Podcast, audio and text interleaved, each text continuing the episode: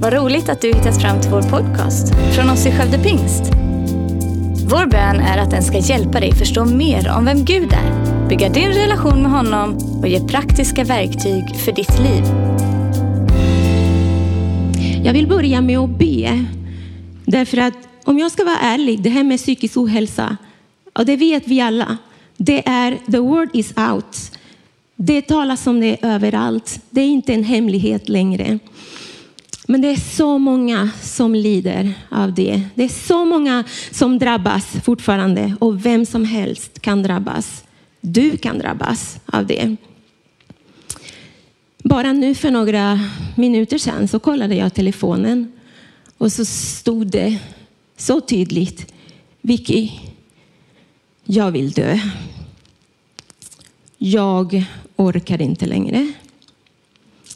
Varje, jag ångrar varje andetag. Och det är som ett svärd i mitt hjärta. Och jag tror att det är det också i Guds hjärta. Att hans barn, att människor lider av en sådan sjukdom som är så fruktansvärd. Så jag vill bara börja med att be för den personen. Och Fader, och för dig som också, där du sitter, när du ser det här gudstjänst, den här gudstjänsten. Du, om du lider av psykisk ohälsa så inkluderar jag dig i den här bönen. Och jag tackar dig Gud för din uppståndelsekraften som finns i var och en av oss. Jag tackar dig Gud för att du ser till var och en och du vill frälsa, du vill rädda, du vill befria, du vill komma med frid, med styrka, med helande. Fader, jag ber i Jesu namn att den personen som sa just nu till mig, bara för en liten stund sedan, Gud, jag orkar inte längre, jag vill dö. Jag ber Gud att du kommer med läkedom till hela hennes själ.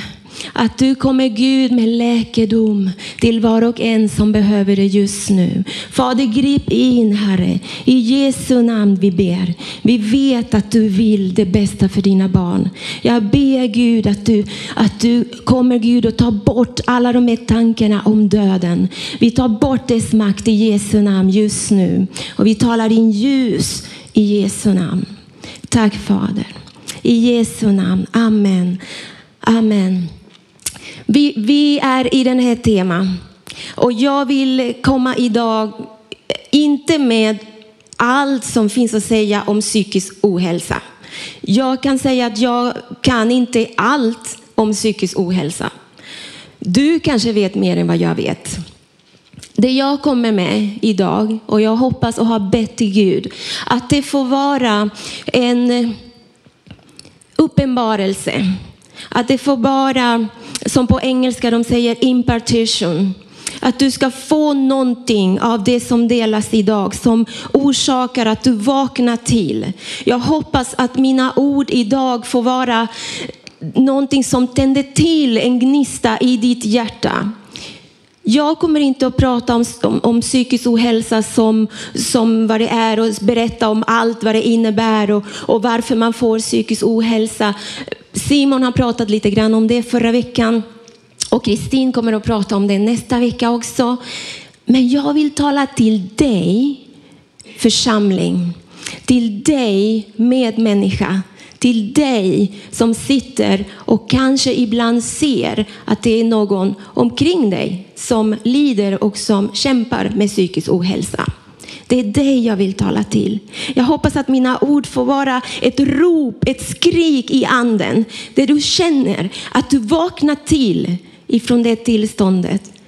Därför att jag tror att det är så här att vi har pratat väldigt mycket om psykisk ohälsa. Det var ju en tid där det var ingen, ingen ville prata om det. Det var hemligt, det var tabu.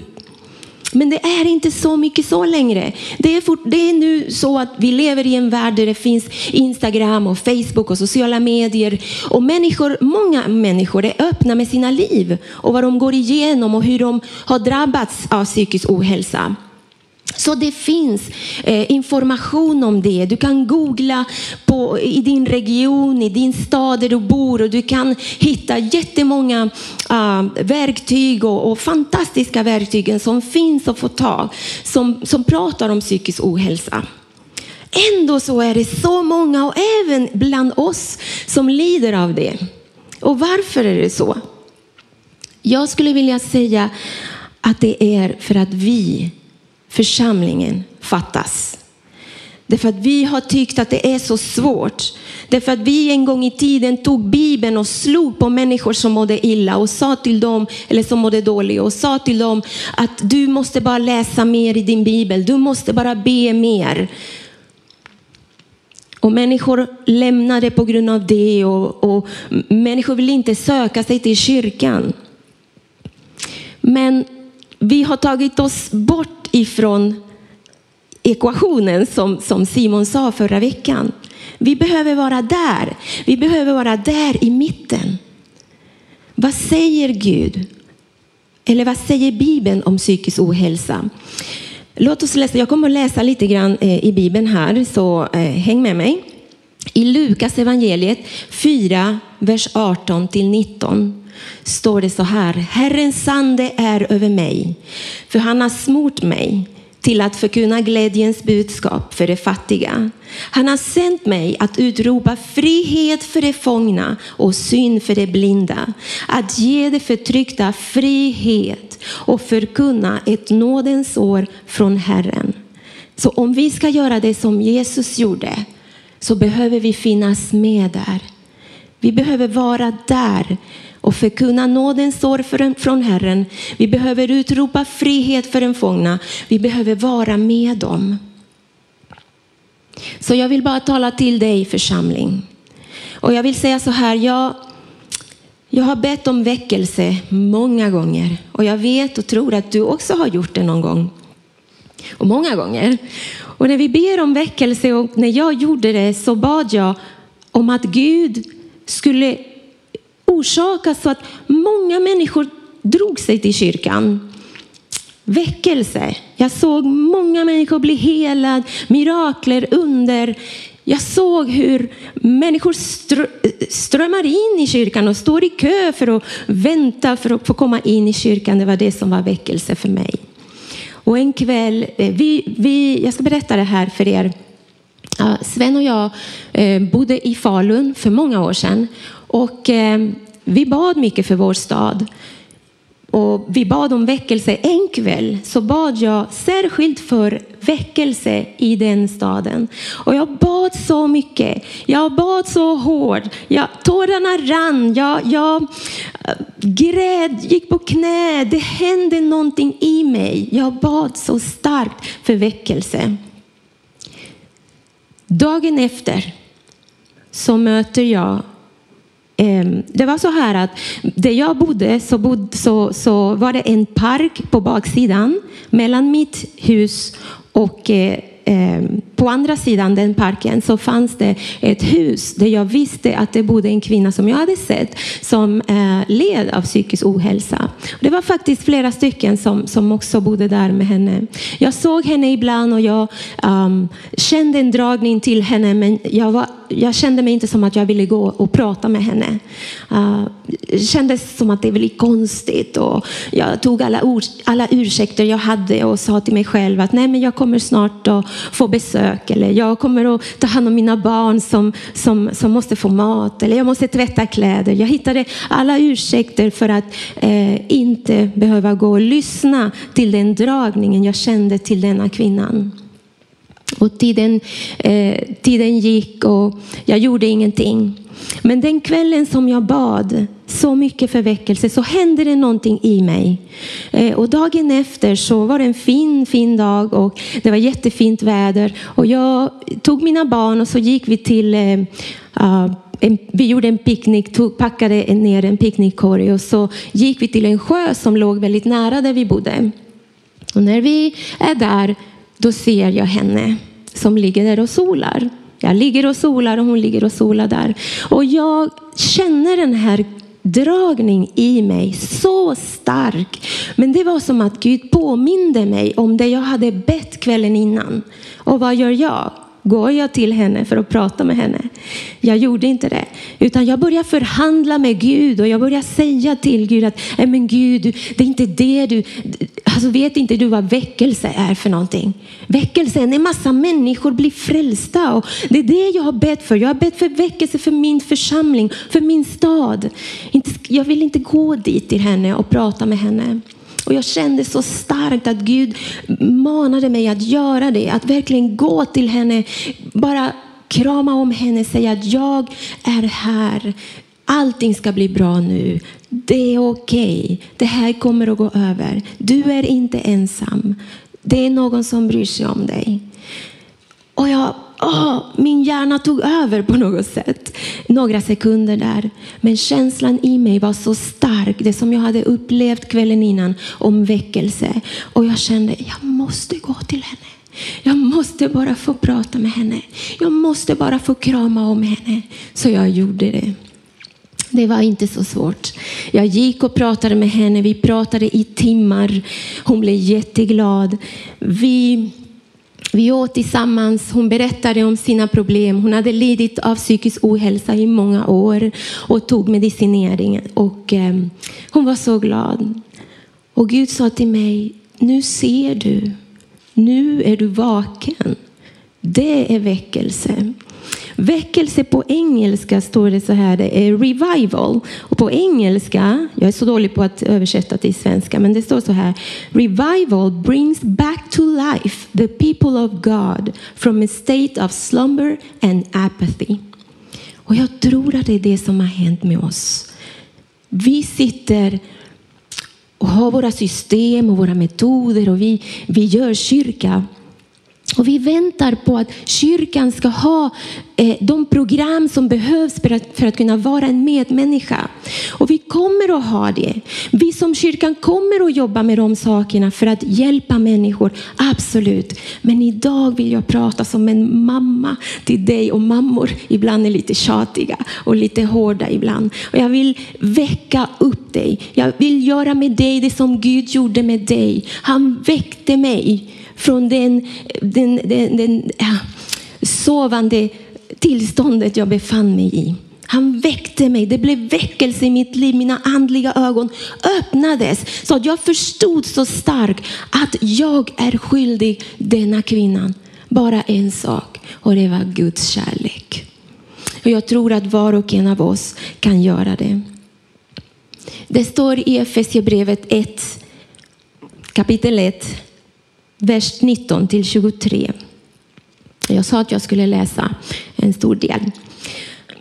Och jag ber att ni ska förstå hur otroligt stark den kraft är som han låter verka i oss. Det är samma mäktiga kraft som han lät verka i Kristus. Det här är, det här är så starkt. När han uppväckte honom från de döda och satte honom på sin högra sida i himlen för att han skulle regera med honom. Och Kristus regerar nu över alla härskare och makter och krafter och väldiga änglar. Ja, han står över allting. Han står över allting. Jesus står över allting som finns både i den här världen och i den kommande. Gud har gett Kristus makt över allting och han som har fått makten över hela universum har också blivit ledare och huvud för församlingen. Församlingen, inte en byggnad. Det är du, det är jag, det är församlingen. Församlingen är hans kropp och genom den är Kristus, lyssna på det här bara, lyssna på det här. Genom den är Kristus fullständigt närvarande bland människorna. Han som uppfyller hela himlen och jorden. Församlingen, du och jag. Vi ska inte ta oss bort från psykisk ohälsa och vad som helst som orsakar att människor lider för den delen. Vi ska vara där. Vi ska vara i mitten vi ska vara i centrum. Jag vet att vi har sagt att det är för svårt. Vi har, vi har sagt att ja, det är en sjukdom. Det är någonting som händer i en människas hjärna och det kan inte församlingen ta hand om. Vi förstår inte det. Vi vet inte. Vi kan inget, vi kan inget göra. Så vi har låtit alla som är professionella, vi brukar prata om sånt och allt det här som jag säger till er är sånt som jag har samlat ihop under alla år som jag har försökt hjälpa människor med olika problem, med omsorg. Och eh, vi, vi, vi tror att det är regeringen som ska göra det. Det är eh, läkarna som ska göra det. Psykologerna ska göra det. Och det är bra. Vi behöver alla de här. Alla behöver samarbeta för att attackera den här problematiken. Men du som församling, du som individ. Och jag, jag, jag ska bara tjata om det här en gång till. När du tänker församling, tänk inte den kyrka som din pastor leder, som är fullt med människor och det är ledningen, det är de som är församling. För det här har jag hört så många gånger. Jag har hört så här, människor säger till mig, ja men det finns så många som, som, som lider av psykisk ohälsa, det är ingen som tar hand om dem. Därför att de tänker att pastorn är inte där och tar hand om dem. Eller ledningen är inte där och tar hand om dem och själavårdar och hjälper och kramar. Men de vet om det och de var där. De är församlingen. Du är församlingen. Det är inte ett program, det är inte ett omsorgsteam som ska göra det. Du, du behöver finnas där. Det kommer inte att vara lätt. Så jag tror att en av anledningarna till varför vi inte gör det, det är för att det blir obekvämt. Det är lätt att se en person som du vet lider och som är ensam någonstans i ett hörn i foajén. Och det är lätt att säga hej. Det är svårare att komma nära. Det är väldigt svårt. Det jag gjorde var så svårt efteråt. Den här personen kunde bli så aggressiv. Ibland så hotade hon mig så att jag var tvungen att stänga dörrarna och fönster och låsa för att jag var orolig för mina barn. Det blev och det behöver inte vara så med alla, men det här är bara ett exempel. Det var det som hände mig. Det blev obekvämt. Vi, vi skjutsade henne till kyrkan. Vi tog in henne i vårt liv. Hon kom till kyrkan. Hon blev frälst. Hon blev så tacksam. Hon har alltid sagt till mig hur tacksam hon var över att hon hade funnit en plats där hon kunde känna sig fri, där hon kunde tillhöra. Där hon kunde känna att, att här finns en plats för mig. Här är jag någon. Hon var inte ensam längre. Vi kunde fika. Vi blev vänner. Vi blev vänner. Och det är inte lätt, så jag förstår det. Så vad kan du göra? Vad kan församlingen göra? Bry dig och visa stöd för människor som lider. I Lukas evangeliet 6.36 står det, var barmhärtiga så som er far är barmhärtig. Och när jag tänker på det här så påminns jag om den känsla jag kände den dagen. Det, jag vet inte om ni har hört min man Sven Bengtsson predika. Eh, han, han berättar när Jesus såg människor. Han hade medlidande med dem. Och han berättar, förklarar någonting om att det är någonting som händer. Det är som inälvorna känns någonting där inne. Du får lyssna på hans predikningar om det. Men det var någonting jag kände. Det var, det var någonting inuti mig som bara drog mig till henne. Och det är det som jag känner och har bett att du ska få tag, ska få tag på idag. Den känsla som bara kan komma från Gud, från hans ande, från, från uppenbarelse av hans ord och de här bibelorden som vi läser. Jag vill inte proppa det med information om psykisk ohälsa, det kan du leta själv. Jag vill verkligen väcka upp dig, som jag sa.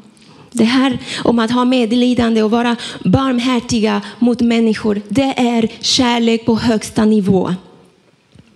Det handlar om att älska människor så som Gud har älskat dig. Jag har en del saker att säga om det här, men jag vill bara säga, vi behöver agera. Det får inte bara vara en teori om kärlek, att vi vet hur kärlek är. Vi vet vad kärleken gör. Vi vet att vi borde älska eh, utan villkor. Men vi gör inte det. Därför att vi vågar inte, för det är bara en teori, det är en god idé som finns i vårt huvud och, det, i, och i, våra, i, i vår mun. Det är sånt vi pratar om. Men idag så vill jag orsaka någonting i ditt hjärta. Att du, du tänker till att du ska vara barmhärtig. Du ska vara närvarande där det finns människor som lider av psykisk ohälsa. Det står i Bibeln så här också i Matteus, Matteus 6, 35 och 38. Som får utan herde. Jesus gick omkring i alla städerna och byarna och han undervisade i deras synagogor och förkunnade evangeliet om riket och botade alla slags sjukdomar och krämpor. Det står så här, när han såg folkskarorna förbarmade han sig över dem. För var, de var härjade, härjade och hjälplösa som får utan herde. Avvisa inte människor som lider av psykisk ohälsa. De har svårt, många av dem har svårt att få vänner. De har svårt att hitta en plats där de tillhör. De har svårt att känna att de kan vara ärliga, öppna sig med, om sina problem med de som de har nära. Därför att de är rädda att bli dömda. Jag hade en tid också, det är länge sedan, men det var, det var någonting som hände i, min, i mitt huvud. Jag vet inte ens hur jag ska förklara. Någonting hände i min hjärna. Jag, jag försvann ifrån mig själv. Det kanske blev orsakat av stress eller vad det nu var. Jag försvann. Jag kastade bröd i köket åt alla håll. Mina barn var rädda. Jag skrek ring pappa, ring pappa. Och sen så visste jag inget mer. Efter det så hade jag några dagar eller veckor då jag mådde jättedåligt. Men ingen visste. Jag vågade inte berätta. Ingen frågade heller hur jag mådde. Vi är så, vi är så snabba med, som Simon sa, att fråga hur mår du? Och man säger ja, jag mår bra och sen så slutar det där. Vi ska agera. Vi ska agera. En annan sak som jag vill säga till dig Eh, det är var en bra vän. Och vi behöver inte prata så mycket om den här. Du kan kolla på Gängkoll i Västra Götaland. Där har du elva råd för att vara en bra vän. Men om vi pratar, vad är vänskap för Jesus? Vi har den här eh, förvridet, eller för, förvrängt, eh, idé om vad vänskap är. Vi skickar kärlek och vänskap med glada gubbar på, på nätet och sociala medier. Det är vad kärleken är. Vi har gjort allting till en tävling. Men det äkta vänskapen har vi tagit bort. Därför att vi, vi har satt på oss masker och fasader där människor inte kan vara ärliga längre. Så jag vill uppmuntra dig församling, dig medmänniska, att vara en vän. Att söka dig till dem som, som lider att hitta dem, att se dem. Lyft upp din blick. När vi ber om väckelse så använder vi mycket den, det bibelordet att Gud sänd människor, sänd arbetare till din skörd. Och det gjorde Gud med mig. Jag trodde att han skulle ta dit i kyrkan massa människor. Men han tog dit mig så att jag skulle se henne. Jag tror att Gud vill göra det med oss. Det är jättemånga som, som lider. Vi ser att Jesus sa så här i Johannes 15.15. 15. Detta är mitt bud, att ni ska älska varandra så som jag har älskat er. Ingen är större, har större kärlek än den som ger sitt liv för sina vänner. Ni är mina vänner om ni gör vad jag befaller er. Jag kallar er inte längre tjänare, jag kallar er vänner. Gud kallar oss vänner.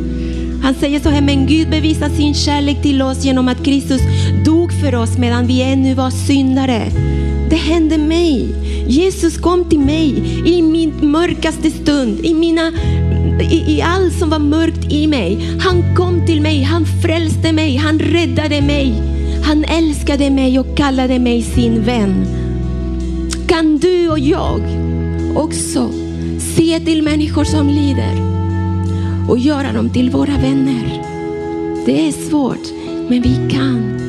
Vi har all kärlek i oss. Vi har Guds kärlek. Ah, så mycket jag vill säga.